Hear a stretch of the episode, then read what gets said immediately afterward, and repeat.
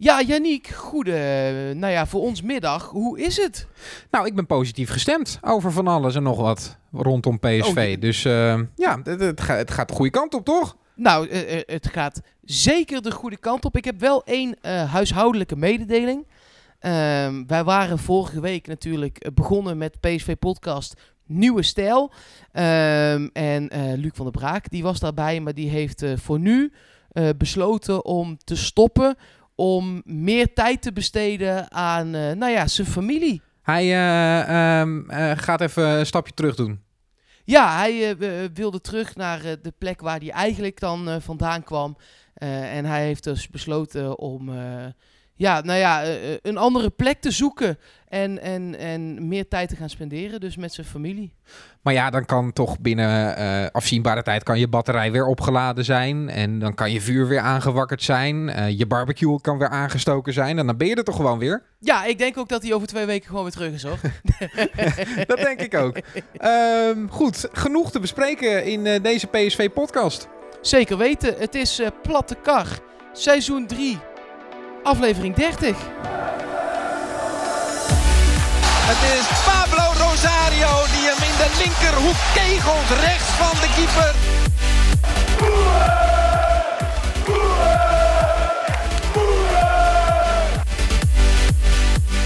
Daar is dat jagen van Lozano dus heel erg goed. 2-0 voor PSV. Luc de Jong komt er binnen uit de voorzet van Brenet.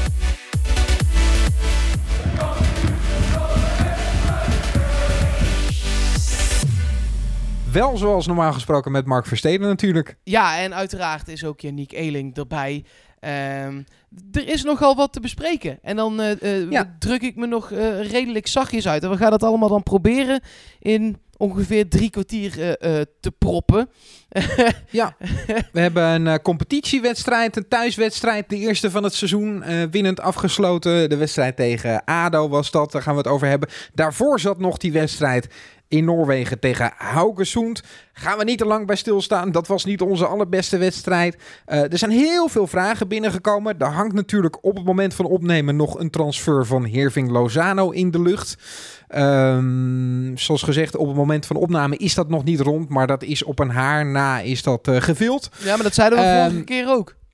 Dat is zo, dat is zo. Dus uh, het zou ook maar zo kunnen dat als je dit luistert, het nog steeds niet rond is, maar wel nog steeds bijna. Um, ze hebben nog, uh, nog even tot uh, 2 september. Um, maar uh, genoeg te bespreken. En dus ook weer een nieuwe speler binnen. Dat straks. Eerst maar eens die wedstrijd tegen Haugesund. Een 0-1 overwinning. Um, hoe, hoe vond jij het? Want jij zei van tevoren, dat wordt echt heel makkelijk. Ik verwacht een 0-6. Ja, dat verwachtte ik ook echt. En ik vind als je het spel hebt gezien dat het ook had gekund. Ik denk dat als PSV zo'n gas had gegeven als dat het tegen ADO heeft gedaan, daar komen we later natuurlijk nog uitgebreider op terug, uh, dat het daar ook 5-6-0 had kunnen worden. Uh, maar PSV speelde heel zuinigjes, uh, zeker niet al te best en moest het van een penalty hebben uiteindelijk. En ik heb toch het gevoel dat we daar geen enkele seconde, ook al was zeker het eerste kwartier Haukesoend wel wat aan het aanvallen. Ik heb geen seconde het gevoel gehad dat we daar gingen verliezen eigenlijk, Janiek. Nee, dat is zo. Um, ik had nog wel af en toe het gevoel dat zij een spel de prikje uitdeelde en dat het er zeer slordig uitzag bij PSV. Um, wie ik wel heel overtuigend vond, en dat was mooi, want eh, ze hebben niet zo'n groot stadion, Haugesund, dus dat kon je heel duidelijk merken ook, was uh, Jeroen Zoet, want die was continu aan het coachen, continu aan het schreeuwen. Dat hoorde je echt boven de commentator uit af en toe. Ja, die zat ook um, in Hilversum, met... dus... Uh...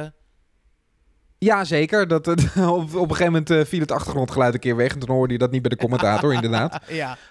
Um, die zat ergens in een bezemkast.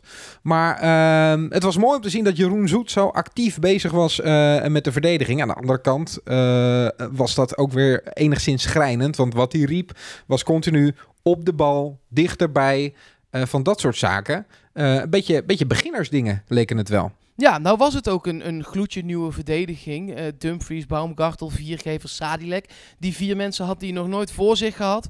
Uh, dus ik snap ook dat daar nog wel wat te coachen viel. Maar ik ben het wel met je eens dat uh, zeker daar achterin en in het blok daarvoor nog wel fouten werden gemaakt. En de afstemming nog niet helemaal klopte.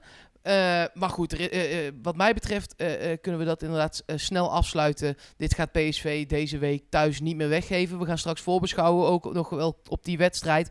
Ehm, en snel afvinken en door naar ADO Den Haag. Absoluut. Die wedstrijd tegen Haugesund was de eerste wedstrijd van eh Baumgartel. Die stond tegen ADO Den Haag ook al in de basis. Ehm, tegen Haugesund werd die verdedigend niet echt getest. Eh, ook al hadden zij een grote lange spits, maar eh, Baumgartel kwam niet echt in de problemen. Ehm, in de wedstrijd tegen ADO Den Haag kreeg hij ook weer een lange spits tegenover zich. Eh, Thomas Neesiet. Daar had hij het af en toe wel wat lastiger mee in de luchtduels. Ehm, maar verder ook weer een prima indruk, toch? Ja, zeker weten. Straks maar eens alle spelers onder de loep nemen. Maar ook ik, ik gewoon überhaupt benieuwd naar wat jou is opgevallen tijdens deze wedstrijd. eh, in algemene zin. Het eh, veldspel was stukken beter dan in eh, de wedstrijden daarvoor. PSV creëerde echt een hele hoop. Het zat Ja, hem niet meer in de paas voor de aanval. Of eh, zoals Mark van Bommel dat heeft omschreven, mogelijkheden tot kansen creëren. Maar PSV creëerde daadwerkelijk kansen. Dus dat zag er heel goed uit. Wat er nog aan schortte, en dat is wel heel, heel duidelijk te zien, zeker in de eerste helft, PSV maakte die kansen nog niet echt af. Maar er vielen uiteindelijk nog wel vier goals. Drie voor PSV en eentje voor ADO. Nu ADO er wel heel even uit is. Goed verdedigd door Viergever. Opgevangen door Kuti. Maar Neesiet kan schieten en die schiet hem erin. En zo hebben we het over wachten op het doelpunt van PSV. En zo valt hij aan de andere kant met Neesiet die die bal wel hard binnenramt. Jeroen Zoet kansloos laat. Bal gaat in de rechterhoek. En PSV is aan het klagen. Er komt een VAR. Hij geeft Hij wordt eh, gegeven. Ja, het is eh, verwacht 1-0 voor ADO. Sadilek loopt nu diep terwijl hij eh, richting de bal had moeten komen. Broema in eh, de 16. Broema geeft die bal Ja! en dan eh, is het een verrichting veranderde bal die achter Winkels belandt. En komt PSV toch op gelijke hoogte. De PSV'ers halen de bal uit de goal, want willen snel door aan dit duel. Broema is degene die via een voetje die bal achter Winkels ziet belanden. Sadilek verovert hem op de rand van het 16 meter gebied. Geeft hem mee aan Malen, toch niet. Er is een misverstand, maar Malen maakt Ja. hem dan uiteindelijk toch af. En dan is het 2-1 voor PSV. En doet de spits van PSV het na een dikke handvol kansen die hij eerder al had. Nu toch.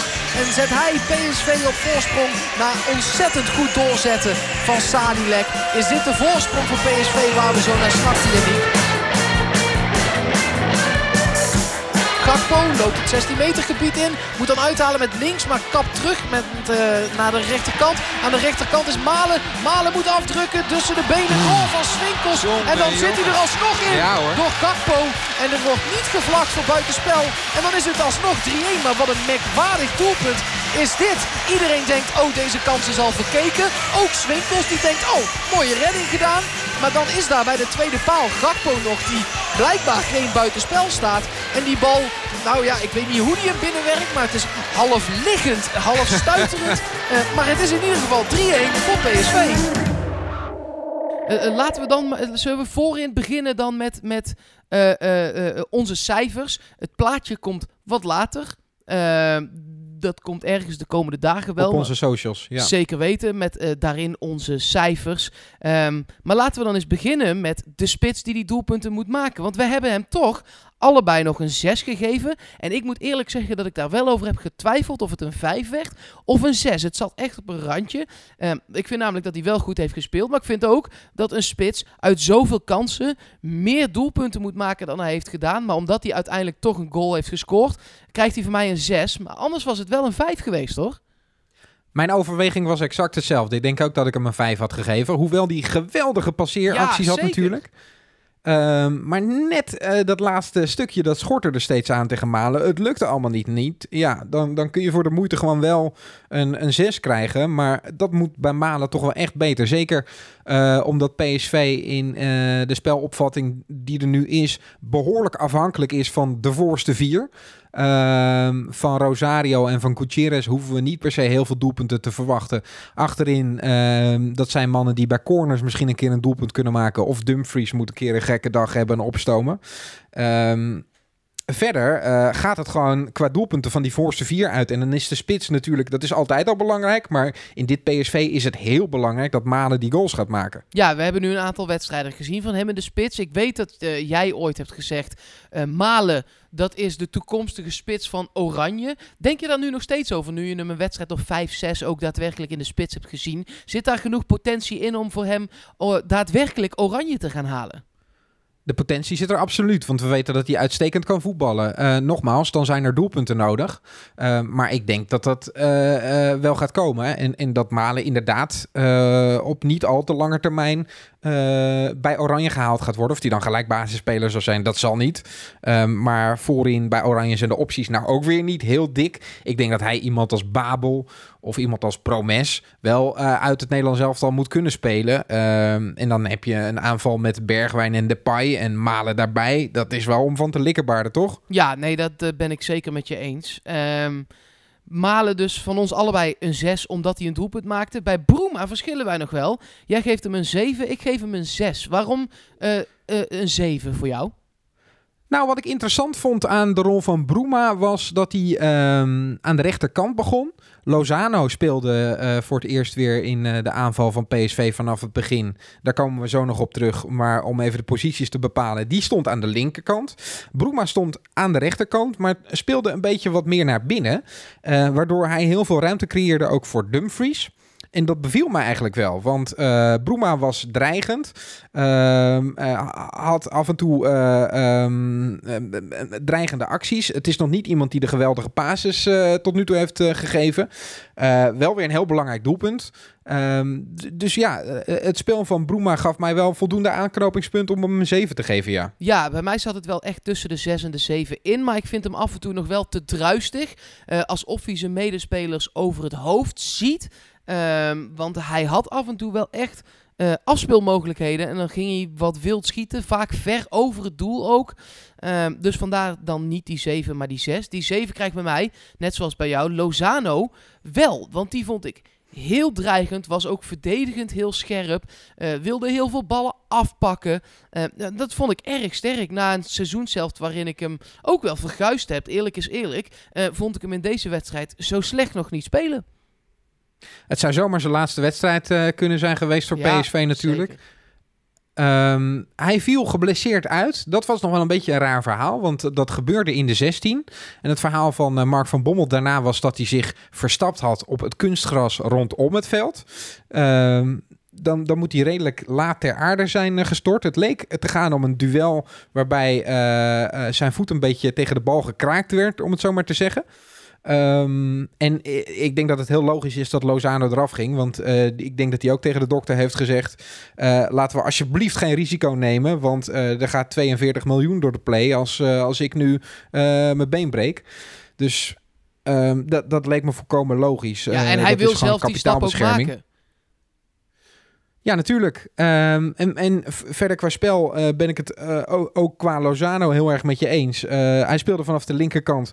Wij hebben eigenlijk altijd al gezegd dat dat zijn beste kant is. Um, omdat Lozano dan naar binnen kan komen, dan kan dreigen, kan creëren, een voorzetje kan geven.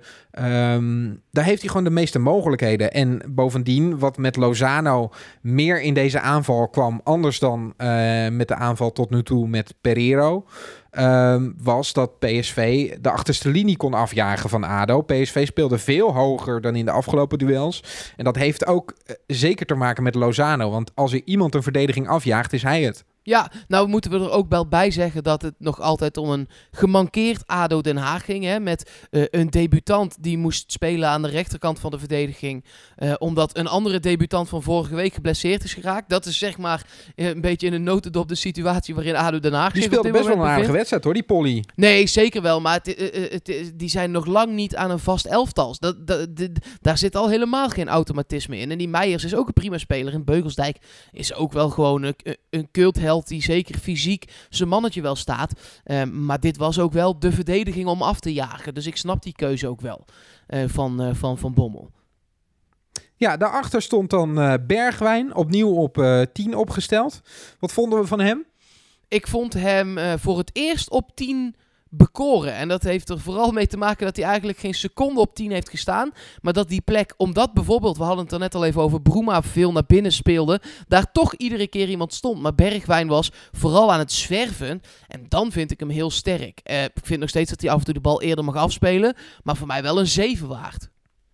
Ja, ik vond het ook. Ehm, zeker omdat juist omdat Bergwijn vanuit die positie zakte, vaak aan de linkerkant te vinden was, dan weer aan de rechterkant, dan weer eh, wat meer tegen Malen aan. Uh, daardoor ontstond er eigenlijk uh, veel meer chaos in de verdediging van de tegenstander. En ik denk juist dat PSV daar gebruik van kan maken. Als je Um, enigszins identieke spelers in die voorhoede hebt. Ze zijn natuurlijk niet identiek, maar ze kunnen wel kwaliteiten hebben die identiek zijn. Um, dan moet je daar juist van uh, profiteren op deze manier. Ik denk dat PSV dat veel beter dan in de andere wedstrijden deed in uh, duel tegen ADO. Ja, zeker. En voor mij had dat ook te maken met de man die erachter speelde. En daar is ook een vraag over binnengekomen. Straks nog veel meer vragen hoor. Maar deze gaat specifiek over de man die daarachter speelde in het blok van twee aan de linkerkant. Mijn paradepaardje. Dus ik ben het met Patrick alvast eens. Maar hij zegt, valt het jullie ook op dat Guti vooral negatief wordt benaderd? Um, nou ja, ik benader hem natuurlijk ook wel eens negatief, Mark. Um, Vandaar dat ik deze jou even laat beantwoorden. dat is goed. Uh, ik vind ook dat je Guti moet zien uh, uh, op de positie waarin hij in het systeem van Mark van Bommel speelt. En in de rol waarin hij speelt. Um, en op basis daarvan moet je hem beoordelen. Kijk, hij komt heel vaak in situaties uh, um, tegen de eigen 16 meter aan. En daar is hij niet op zijn sterkst. Hij is het sterkst als hij een bal kan geven. Als je hem aan de voet heeft uh, en een aanvaller kan uitzoeken en diep kan spelen. Want we hebben hem geweldige steekpasses zien geven. We hebben ook weer heel veel passes zien mislukken. Dat vind ik dan wat minder erg.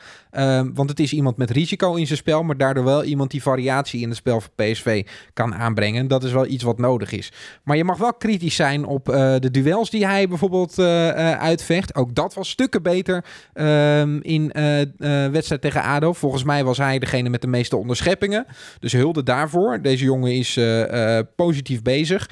In het duel tegen Neesiet, waaruit uiteindelijk de 0-1 viel, was het wat slap. maar ik denk niet dat je daar tegen Neesiet heel ja, veel aan kan doen. hij zweefde al door de lucht om die bal weg te koppen, waarschijnlijk terug op Jeroen Zoet. Dan krijgt hij een klein zetje terwijl hij al in de lucht zweeft. Daar kun je heel weinig aan Daarom doen, toch? denk ik ook, wat ik zei, ik denk niet dat je hem dat heel erg kan, uh, kan verwijten. Dus wat dat betreft is het wel gewoon een prima wedstrijd uh, uh, geweest. Maar of wij dan, en ik, ik zeg dan ik en de andere mensen die wel eens kritisch op uh, Gutierrez zijn geweest, te kritisch zijn. Uh, nee, dat denk ik toch niet. Nee, ik wil toch dan in dat kader uh, een anekdote aanhalen die ik ergens las, maar ik weet niet meer waar. Dus die credits die gaan heel even verloren. Um, over Hiddink, die in de jaren van Cocu en ook nog de Pai op de hert kwam, af en toe kwam, hè, om eens een arm om iemands schouder te slaan en af en toe eens een, een tipje te geven. Um, en Hiddink ging toen naar de Pai toe. Volgens mij is, komt dit uit het boek van Depay, maar ik weet het niet meer zeker. Um, en die zei tegen Depay, je moet meer acties maken. Juist terwijl iedereen zei, maak eens minder acties, ze mislukken allemaal. Uh, maar Hiddink ging uit van de sterke punten. En ik vind dat we dat uh, bij Gutierrez te weinig doen. Hij speelt af en toe hele verdedigingen aan gort. En uh, in de passing is hij zo sterk en weet hij altijd de man tussen de linies te vinden. En ik vind dat mensen te veel de nadruk leggen op uh, dat hij af en toe zijn man laat lopen. Dat hij verdedigend uh, zijn mannetje niet staat. Klopt, maar daar staat hij daar in eerste instantie helemaal niet voor. Hij is de verbindingsspeler met die voorste vier. En hij brengt ze wel elke keer in stelling. En, uh, nou, maar dan uh, in deze theorie klopt het systeem niet, uh, Mark. Want als dat zo is, dan uh, staat hij op de verkeerde plek in het elftal. Ik vind dat hij wat verder naar voren zou moeten voetballen. Ja, dat ben ik helemaal maar met je dan eens. klopt je systeem niet. Nee. dan, dan, dan zou je Gutierrez moeten helpen door met een extra middenvelder te spelen. Nou, of gewoon met de punten achter. Ik denk dat dat in de eredivisie prima kan. Ja, dat bedoel ik. Ja, ja, nee, uh, maar ja, dan um, speel je nog steeds wel met drie middenvelders. Alleen dan is alleen Rosario de verdedigende man. En dan speel je met Bergwijn en dus Guti achter de drie voorsten. Ik vind dat helemaal ja. geen slecht idee. Nee, ehm, w- hoe ik het nu zag was dat er vier aanvallers zijn. eh, dat daar achter een heel groot gat zit. En dat twee middenvelders daar dan zijn. Gutierrez en Rosario. En op basis daarvan heb ik hem ook altijd beoordeeld eigenlijk. Ja, nee, dat snap ik ook. Maar ik vind, het, al- ik vind dat sowieso altijd eigenlijk wel. Dat fans vaak uitgaan van het, het negatieve. Hij dribbelt te veel bij Lozano, om maar eens wat te noemen. Eh, terwijl daar zit natuurlijk vooral het gevaar. Laat er maar acht dribbles mislukken. Als die negende en die tiende gewoon een doelpunt opleveren. Dan zit je echt met, met fantastische cijfers natuurlijk. Absoluut.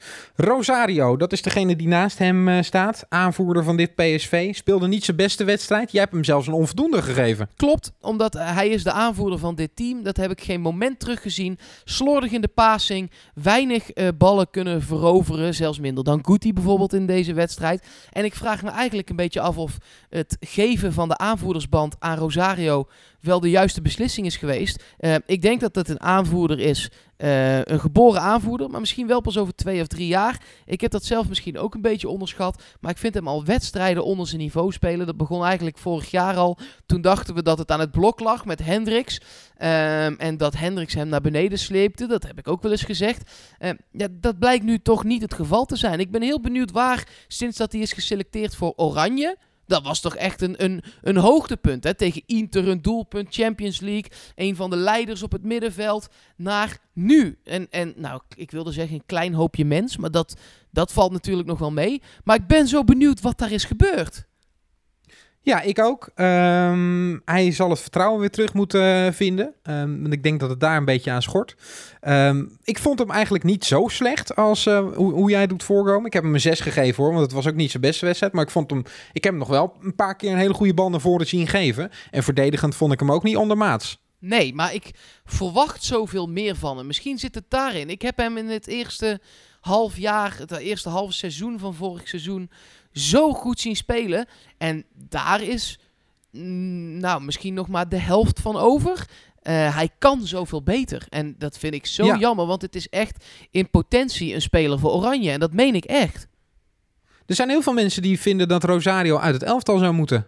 Ja, ik, eh, ik zou op dit moment niet weten voor wie. Eh, maar als Affelay straks terug is, kan ik me dat serieus heel goed voorstellen. Ja, ik niet, want ehm, dan heb je verdedigend helemaal geen power meer op het middenveld. Ik denk dat het in de Nederlandse competitie zeker prima kan. Ja, maar dan is die afvallende bal is altijd voor de tegenstander. Eh, dat hoeft niet. Nee, eh, eh, ik- denk dat je met een bewegelijk middenveld, zoals Ajax dat op dit moment doet, zonder ook echt verdedigende power, ehm, vind ik dat dat prima kan. Ja, soms staat Masraoui soms blind, dat klopt wel. Eh, maar die spelen ook eh, eh, lachend met Van de Beek en, en Ziyech en Marien. Nou, dan kan PSV ook met Affelay, Guti, Bergwijn spelen. Dat denk ik echt. Laat Van der Gijp het maar niet horen dat jij gelijk een Ajax-vergelijking poelt. Want dat mocht niet. Ik heb geen uh, VI Nee, die nog. zei alles wordt tegenwoordig met Ajax vergeleken en daar ben ik helemaal klaar mee. En dat snap ik wel. Ja, nou, ja, maar dat is nou eenmaal de directe concurrent van PSV. Dus ik vind dat je ze daar het beste mee kunt vergelijken. Dus dan ben ik het niet met Gijpie eens. Dat is ook al zo. Ehm, zullen we van rechts naar links de verdediging behandelen? Te beginnen met Dumfries. Ja, jij hebt hem een 7 gegeven, ik een 6. Het zat wel dicht tegen een 7 aan, maar ik ging terugdenken aan eh, eh, het, het werk dat hij erin heeft gestopt. En dat was heel veel. En het rendement dat hij daar uiteindelijk uit heeft gehaald. En toen bedacht ik me, hoeveel voorzetten zijn er eigenlijk aangekomen? En ik kon me er geen één herinneren.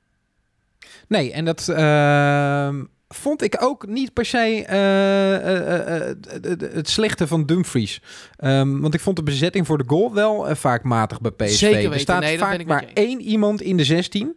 Ehm, en wie dat dan is, dat maakt niet zoveel uit. Vaak is het Malen. Maar er staat bijna niemand eh, bij de tweede paal. Voor Dumfries is het natuurlijk sowieso eh, wat moeilijker geworden om een voorzet te geven. Ik vond hem wel vaak goed gepositioneerd staan. Hij kon wat dieper spelen. Ook omdat Bruma wat meer eh, naar de binnenkant stond.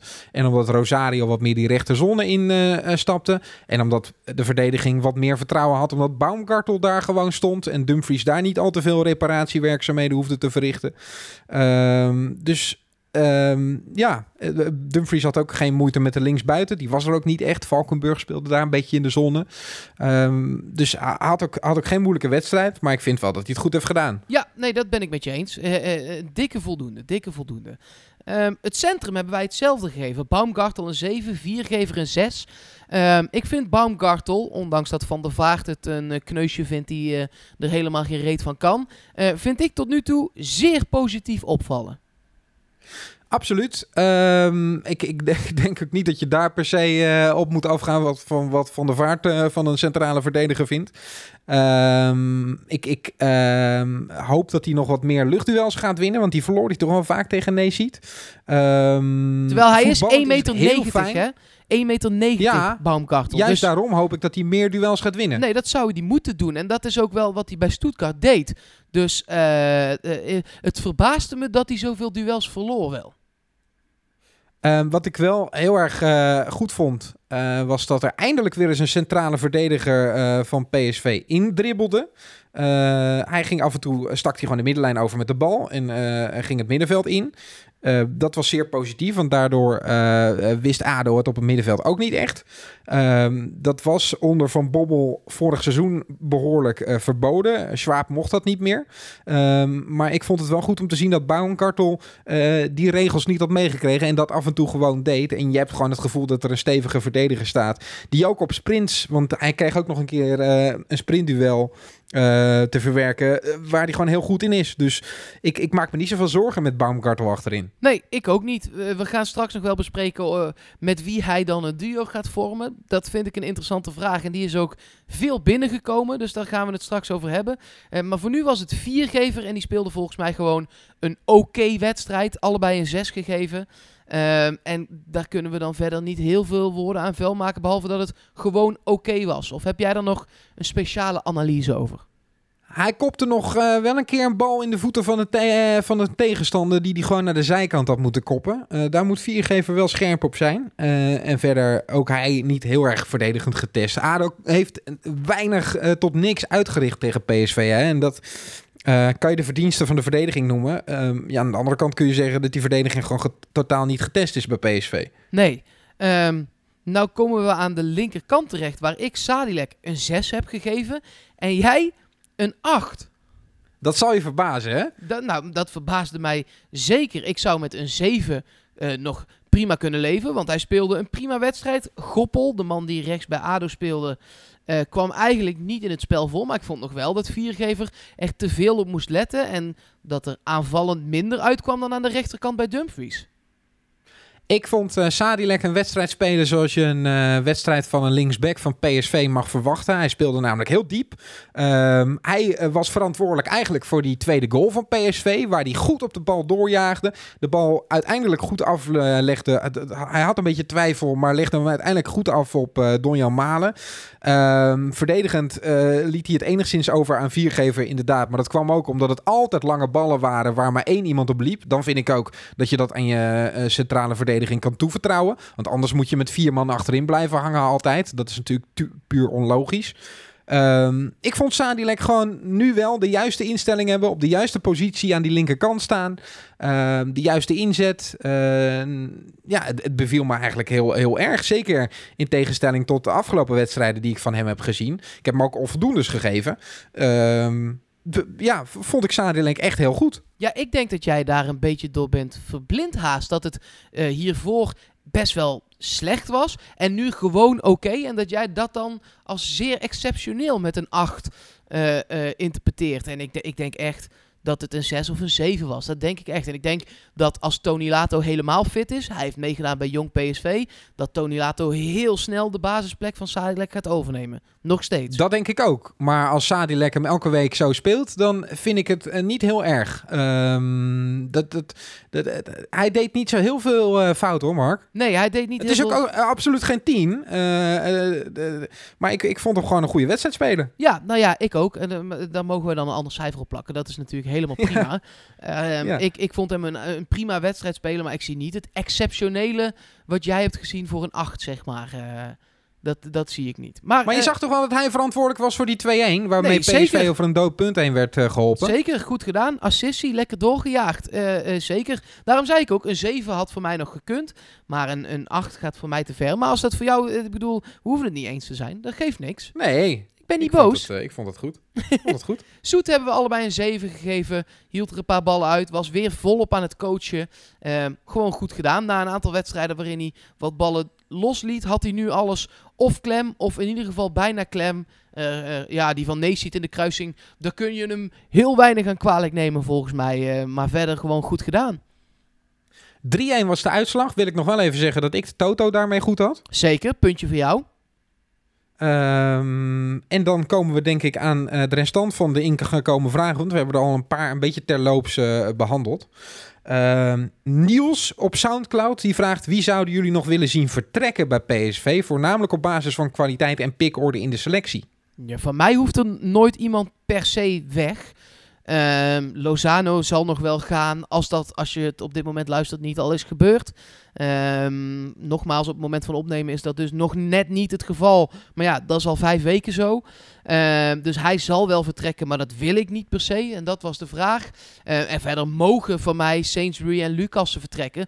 eh, omdat er gewoon heel duidelijk is gemaakt dat zij niet meer in de plannen voorkomen. En dan vind ik het zonde om ze erbij te houden haast. Dan liever wat jeugd op de bank. Ja, eh, Lucas en Sainsbury waren ook degene die mij eh, te binnen schoten. Ehm Pereiro had ik daar ook nog opgeschreven, maar die is geblesseerd. Dus die gaan we niet meer verkopen. Nee, dat zou ik me heel erg verbazen inderdaad. Ja, Nee, die- tenzij iemand door een medische keuring komt met een blessure. Ja, die zou ik ook nog wel Eh. willen zien vertrekken. Dat ben ik wel met je eens. Omdat hij anders gratis de deur uitwandelt aan het eind van dit seizoen. Eh, maar ik ben ook inderdaad bang dat dat niet meer gaat gebeuren. En bovendien in dit systeem eh, denk ik niet dat hij eh, de rechtsbuiten is. Eh, en op 10 eh, moet je denk ik nu keuzes gaan maken en kijken wie daar dan het beste kan spelen. En ik denk niet dat dat Pereiro is. Nou ja, de komende maanden sowieso niet, want dan is hij er niet. Maar ik denk niet dat je hem in het restant van het seizoen nog heel vaak gaat gebruiken, eerlijk gezegd. Nee, dat denk ik ook. Over die nummer 10 positie vraagt Henke. Iatare speelde bij Jong PSV, scoorde daar twee keer. Dat was gisteren tegen Den Bosch. Eh, want wij nemen dit op op dinsdag en dat was op maandagavond. Ehm, ja, is hij dan degene die op 10 moet als Lozano vertrekt? Want die vragen komen ook veel binnen. Op welke positie moet er iemand gehaald worden? Gaat PSV nog voor een nieuwe spits? Simon PSV 1499 en Mark van Zutphen onder andere vragen dat. Ja, dat is nog wel een kwestie. Als Lozano gaat, eh, gaat Bergwijn dan weer naar de zijkant en bijvoorbeeld Iatare op 10? Of gaat PSV nog iemand halen? Wat denk jij? Ik denk dat Iataren, eh, die heeft sowieso heel goed gedaan bij Jong PSV. Die gaat heel veel invalbeurten krijgen komende tijd, denk ik. Maar ik denk nog niet dat je kan zeggen dat hij een basisspeler is. Ook al hebben we echt wel aan hem gezien dat hij exceptionele kwaliteiten heeft. En op termijn zeker basisspeler gaat worden. Het komt nu alleen nog wat te vroeg, omdat hij nog niet constant genoeg presteert. Ehm, en dan vind ik het zelf wel wat opportunistisch om gelijk te zeggen dat wordt dan onze nummer 10. Ook bijvoorbeeld omdat ik Gakpo heel goed heb zien invallen ehm, tegen ADO toen eh, Lozano eraf ging. Eh, ik denk dat hij op dit moment meer een basisplek verdient dan Iataren. Ik ben een beetje bang voor Gakpo, omdat hij tot nu toe telkens als hij in de basis moet starten, zijn niveau niet haalt van wat hij haalt als hij in moet vallen. Want het invalniveau van Gakpo ligt rond de 8, misschien soms zelfs wel 9. Super gevaarlijke voorzetten, heel veel energie, maar dat hebben we hem nog niet kunnen zien brengen in het tweede eh, eh, deel van vorig seizoen, toen hij een aantal keer in de basis mocht beginnen. Nee, ehm, goed, ook die jongen moet volwassen worden. Ehm, maar om dan Iataren maar in de basis te zetten, eh, dat denk ik niet. Ehm, toch denk ik dat Gakpo in eh, de wedstrijd tegen Haukezoen bijvoorbeeld vanaf het begin gaat spelen. Ja, dat, eh, dat eh, denk ik ook. Als Lozano weg is, als die er nog is, dan zal die gewoon spelen. Ik eh, weet niet, want dat was het tweede deel van de vraag. Op welke positie moet er iemand gehaald worden als Lozano vertrekt en Mark van Zutphen gaat PSV nog voor een nieuwe spits? Ik denk het eigenlijk van niet. Op dit moment zijn er geen signalen dat er nog iemand wordt gevolgd. Ik zelf zou een eh, optie B-spits nog altijd heel fijn vinden. Eh, een type Vennegoor, een type Koevermans. Zodat je ook daadwerkelijk een ander spelletje kunt gaan spelen. Dat kan met Lammers, maar die is er maanden niet bij. Ehm, dus ik vind dat PSV nog wel als B-optie zo'n type spits zou moeten halen. Maar er zijn nul signalen dat dat ook echt gaat gebeuren. toch begreep ik wel dat PSV een vervanger gaat halen als Lozano vertrekt. En of dat dan een buitenspeler en spits is, of misschien een middenvelder. Uh, dat weten we niet, maar ik denk nog Wat wel zou dat jij er iets doen? gaat gebeuren. Wat zou jij Ik doen? zou een, eh, een middenvelder halen. En, En het dan liefst iemand die goals maakt, want we hebben nu gewoon te weinig goals vanaf het middenveld. Een type van Ginkel, mag ik dat dan zo zeggen? Ja, kijk, dat was de ideale man geweest natuurlijk in dit PSV. Eh, dan had je van Ginkel, Gutierrez als twee eh, meest vooruitgeschoven middenvelders gehad, Rosario daarachter. Eh, ik denk dat dat ideaal was geweest, maar die gaat niet komen natuurlijk, want die ligt nog steeds in de lappenmand. En dat doet half PSV inmiddels al. Dus dat gaat niet gebeuren. Maar zo'n type, ja, graag. Ja, ik zou zo ook geen namen weten, behalve Van Aken. Daar komen we dan toch steeds weer op terug. Ehm, Ja, die is gewoon te duur. Die heeft zijn contract ook verlengd. Ja, maar als je 40 miljoen gaat innen, vooruit dan moet wat eh, naar Mexico nog van dat bedrag. Ja, maar ik las dat hij eh 30 of eh 20 plus moet eh, kosten. Nee, ja, maar de, eerst werden er ge- bedragen rond de 10, 12, 15 miljoen genoemd. Ik denk dat je daar best rondop kunt uitkomen. En als... Hij heeft vorige week zijn contract verlengd, Mark. Ja, klopt. Nee, ja, ik, weet het, ik weet het. Eh, maar ik denk nog steeds dat je op 15 miljoen kunt uitkomen voor, voor die speler. Ehm, dat lijkt me ook een heel logisch bedrag. En misschien dat PSV dat wel over heeft voor een scorende middenvelder. Ja, eh, ik denk dat ze dat bedrag wel over hebben. Ehm, ik, ik, ik zou een goede onderhandelaar vinden als jou dat lukt. Ja, Misschien nou, moet je het proberen. Ik wil, eh, eh, John, als je luistert, ik wil best een keer naar België rijden. Ik heb daar helemaal geen problemen mee. Dan drinken we daar een klein pintje en dan eet ik een bak Vlaamse frieten weg met de voorzitter daar. En dan moet het, daar- dan moet dat toch goed komen, jongens. Dan moet dat toch goed komen. Nou, doe dat. Ja. Ik, ik hoop het, jongen. Maar in beide gevallen Ehm. gaat Bergwijn wel eh, bij ons allebei toch weer naar die zijkant. Ondanks dat hij nu op 10 aardig speelde. Ja, maar eh, op 10, omdat hij ook niet zo vaak op 10 stond, toch? Ja, nee, ja, eh, helemaal mee eens. Ehm, laatste vraag die we voor nu kunnen behandelen. Dankjewel voor alle vragen via het PSV Podcast op Twitter en Instagram. eh, onder de Soundcloud upload. eh, op psv.supporters.nl onder de podcast. Dat behandelen we allemaal. We kunnen niet alles behandelen, maar we proberen zoveel mogelijk te behandelen. En Casper B. vraagt nog, Yannick, wat wordt de rol van Schwab nu die terug is? Ja, want dat was toch wel het nieuws van de afgelopen weekend. Hè? En ik, ik sloeg behoorlijk stijl achterover eh, dat dat zo snel gefixt was. Eh, en dat Swaap dus gewoon eh, eh, zich heeft bedacht. Ja, we maakten er in de, in de opening van deze podcast natuurlijk een, een, grapje van. Maar het is heel gek. En daardoor merk ik ook bij supporters, ook bijvoorbeeld op het forum van eh, supporters.psv.nl. eh, nee, psv.supporters.nl moet ik zeggen. eh, die gemengde reacties met eh, bijvoorbeeld een Muzzy die zegt... ik ben er niet blij mee, want hij was debet aan een slechte tweede seizoenshelft vorig jaar. De Alchemist zegt... persoonlijkheid, ervaring en een barbecue middag. Symbolisch doelt hij daar natuurlijk dan op. Daar wordt dit team gewoon wel wat beter van. Ehm, ik, en dat proefde ik ook in het stadion toen wij er afgelopen zondagavond waren. Wat is jouw gevoel dan? Van mij mag hij prima terugkomen. eh, maar ik denk niet dat hij op dit moment basisspeler gaat zijn. Omdat ik eh Baumgartel aan de rechterkant van de verdediging een betere speler vind op dit moment. 10 miljoen ga je niet zomaar op de bank zetten voor een speler die, nou, voor mijn gevoel toch een beetje met hangende pootjes terugkeert omdat niemand hem wil hebben. Eh, in ieder geval niet in zijn niveauklasse of in de buurt waarvan hij wilde gaan voetballen. Hij heeft bijvoorbeeld meegetraind in Duitsland, maar daar geen contract gekregen.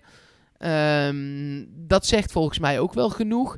Ehm, en aan de linkerkant van de verdediging eh, vind ik het heel fijn om een linkspoot te hebben met viergever. En mijn voorkeur gaat nog altijd wel uit naar Boskakli, want dat vind ik opbouwend een betere speler. Ehm, dus voor mij komt hij nu niet voor in de basisplannen. Ik weet niet hoe dat bij jou zit.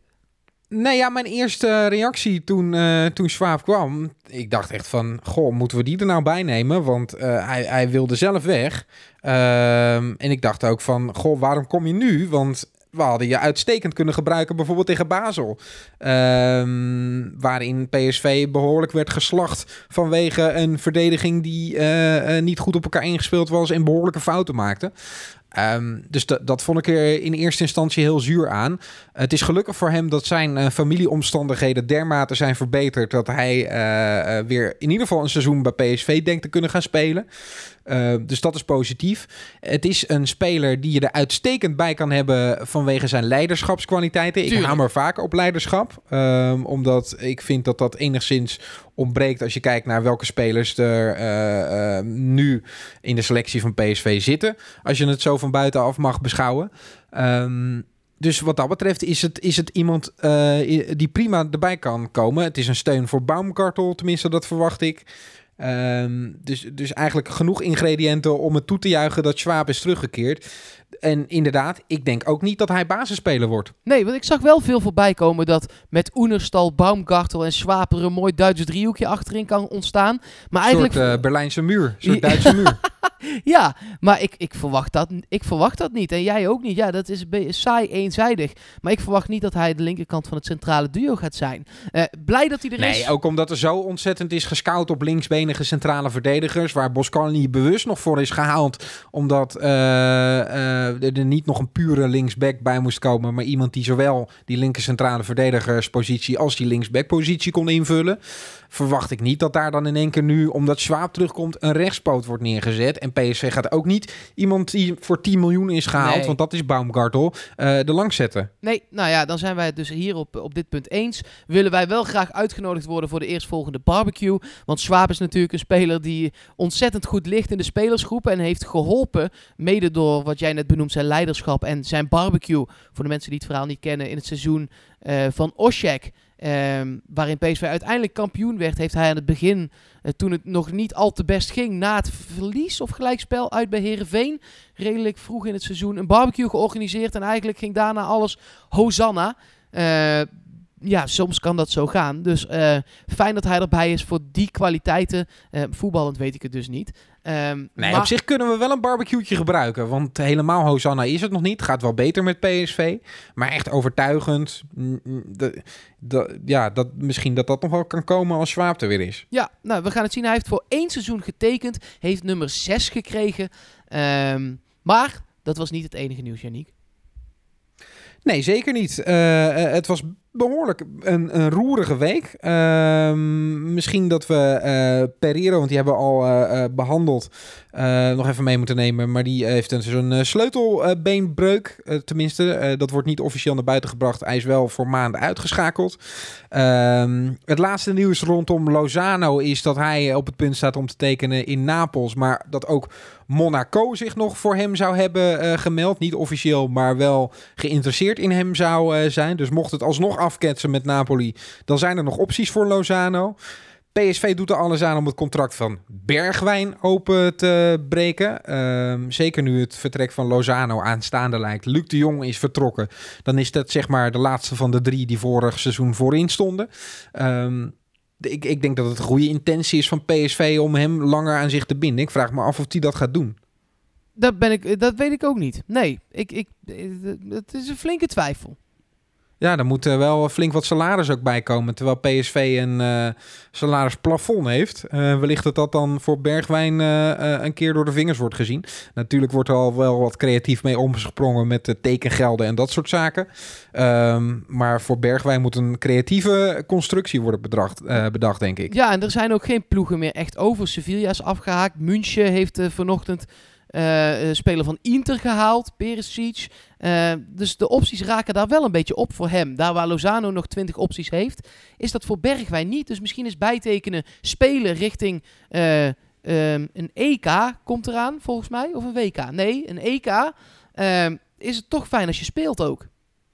kreeg nog een uh, tippie van een Italiaanse journalist dat Fiorentina graag Bergwijn zou willen hebben. Toen heb ik gevraagd of Fiorentina wel eens 40 miljoen heeft uitgegeven.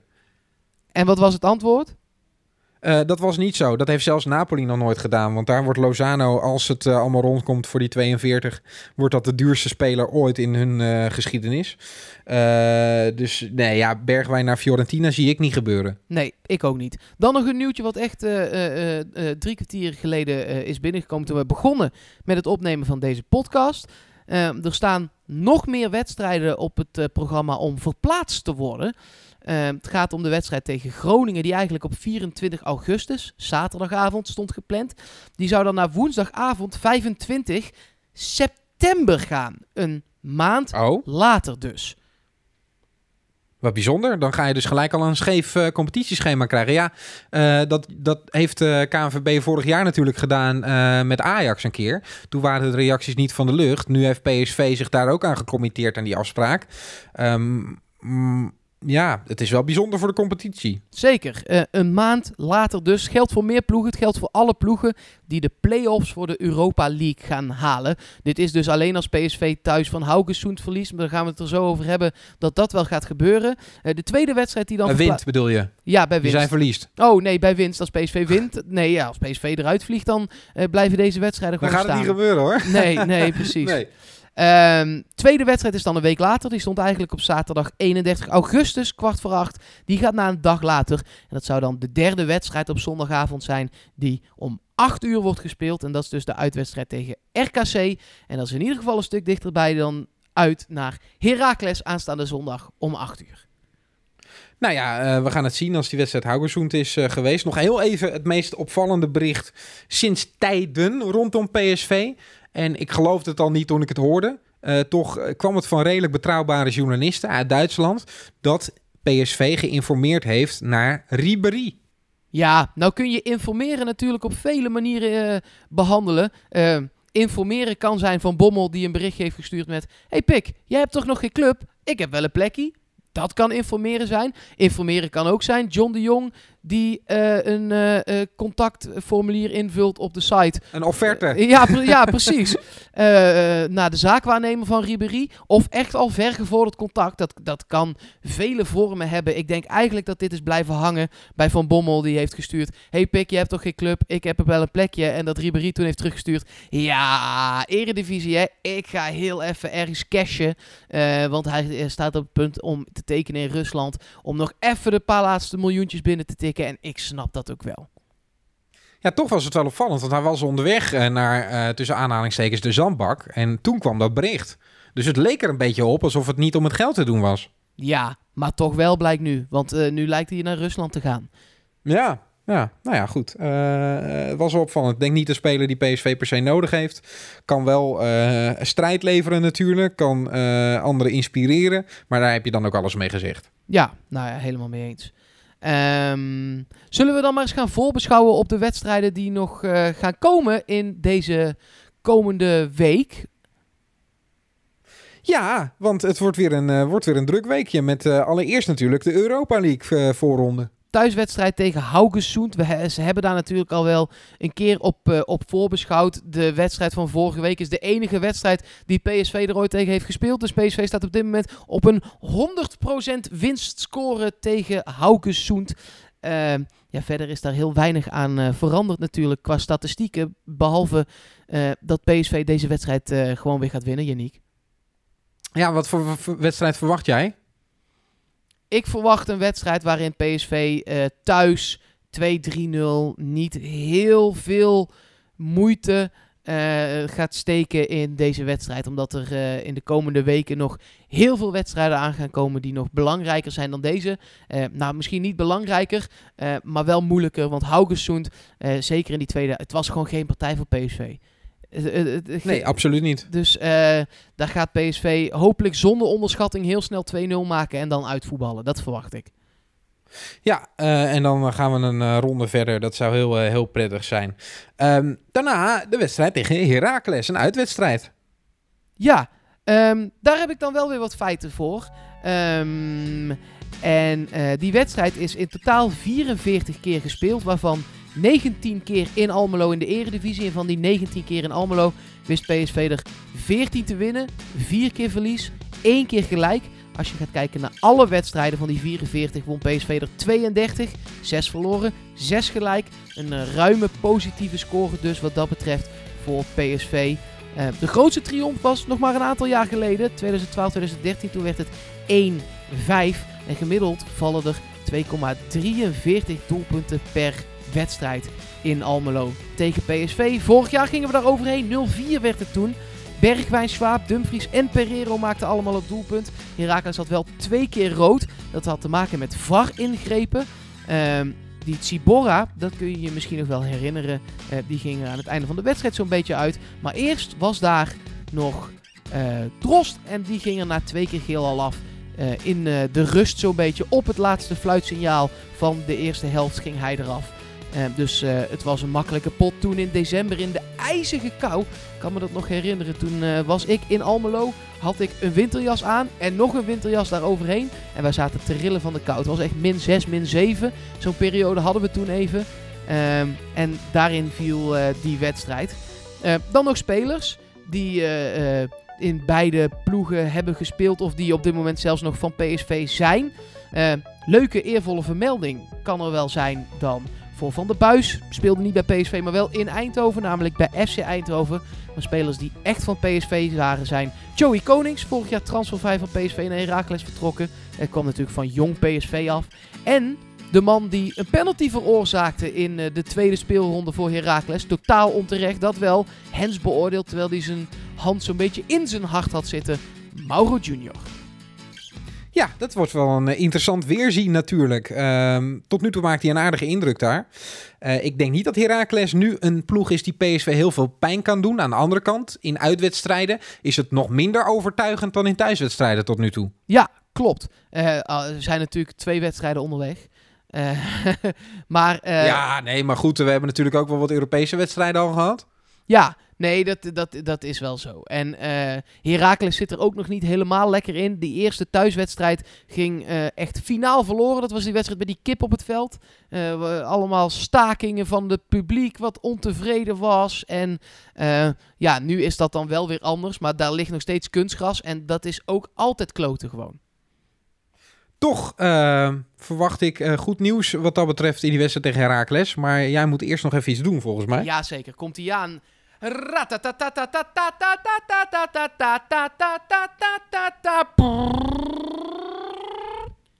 Hoeveel wordt het eigenlijk? Eerst die wedstrijd tegen Haugesund. Ehm, Voordat we die vergeten. PSV gaat daar eh, de nul houden. En ehm, gaat vier keer scoren. Nul, eh, 4-0 wordt het voor PSV. Ik denk 3-0. En gewoon, ben je het met me eens dat het daar heel snel een aantal doelpunten vallen en dat het dan rustig uitvoetballen wordt? Ja, en dan kun je bijvoorbeeld Iataren erin zetten. Ehm, kun je eens kijken wie je verder nog eh, erin gaat eh, brengen. Want moet je beginnen Ehm. met je basiselftal? Dat is natuurlijk de, de, de, ook een vraag. Of moet je, omdat je dit Haugesund misschien onderschat uiteindelijk... eh, en ook echt minder is natuurlijk dan PSV... misschien wel überhaupt met Iataren bijvoorbeeld beginnen? Ik zou jou eh, de wedstrijd van vorig jaar tegen RKC onder de aandacht willen brengen. Waarin PSV ook niet eh, de eh, basisopstelling eventjes dacht neer te Nee, zetten. maar dat waren in de elf voorronde van de. Europa League is dat wel heel cruciaal. Hè? Dus PSV moet gewoon het sterkste elftal opstellen. Ook omdat die nog aan elkaar moeten winnen. Zeker met een nieuwe centrale verdediger erbij. Dus laat die alsjeblieft minuten met elkaar maken. 4-0 en 3-0 gaan we door naar Heracles.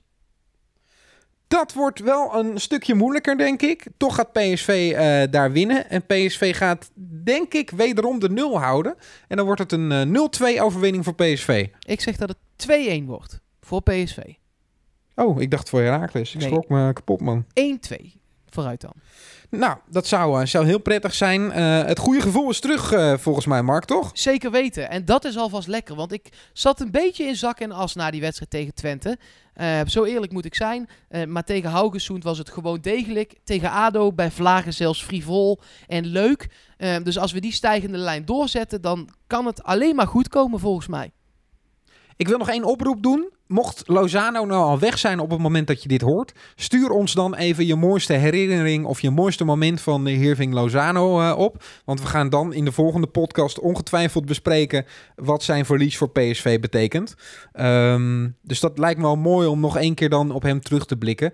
eh, gezien de verwachting dat dat deze week wel eh, rond moet komen. Maar goed, we weten het niet. Het zou ook zomaar maar nog weken kunnen duren. Maar dan kun je er alvast over nadenken. Ja, imago-rechten zijn duur, hè, is gebleken. PSV En Napoli zijn er al weken uit, heb ik het gevoel. En het gaat nog om die imago-rechten van Lozano. Omdat er zoveel shirtjes worden verkocht met zijn naam erop... dat Lozano dat niet zomaar voor een prikkie uh, bij het oud vuil wil gooien. Zijn copyright van zijn hoofd en zijn naam uh, moet wat kosten. En daar zijn die Italianen nog een beetje lastig over aan het doen. Gaat ook om heel veel geld allemaal. Uh, dus we gaan het zien. Misschien lukt het uiteindelijk wel helemaal niet en loopt het daar op stuk. maar dat is inderdaad wel een leuk idee om hem dan in ieder geval ja, te herdenken klinkt zo dom. Maar in ieder geval om terug te denken aan wat hij allemaal voor PSV heeft gedaan. Want dat is toch nog best wel veel. Ook qua naam in het buitenland en dat soort dingen. Um, die podcast... Daar gaan we het... Uh, ja. Gaan we het ter zijner tijd uh, over hebben. Ik heb zin in komende week, Mark. Ja, zeker. Nou ja, dat ter zijner tijd is volgende week. Als het goed is, afkloppen. Gewoon weer op maandagavond in plaats van op dinsdagavond. Uh, dan zijn we er weer. En wij gaan samen tegen Haugesund en tegen Herakles kijken, toch? Zeker weten. Zin in.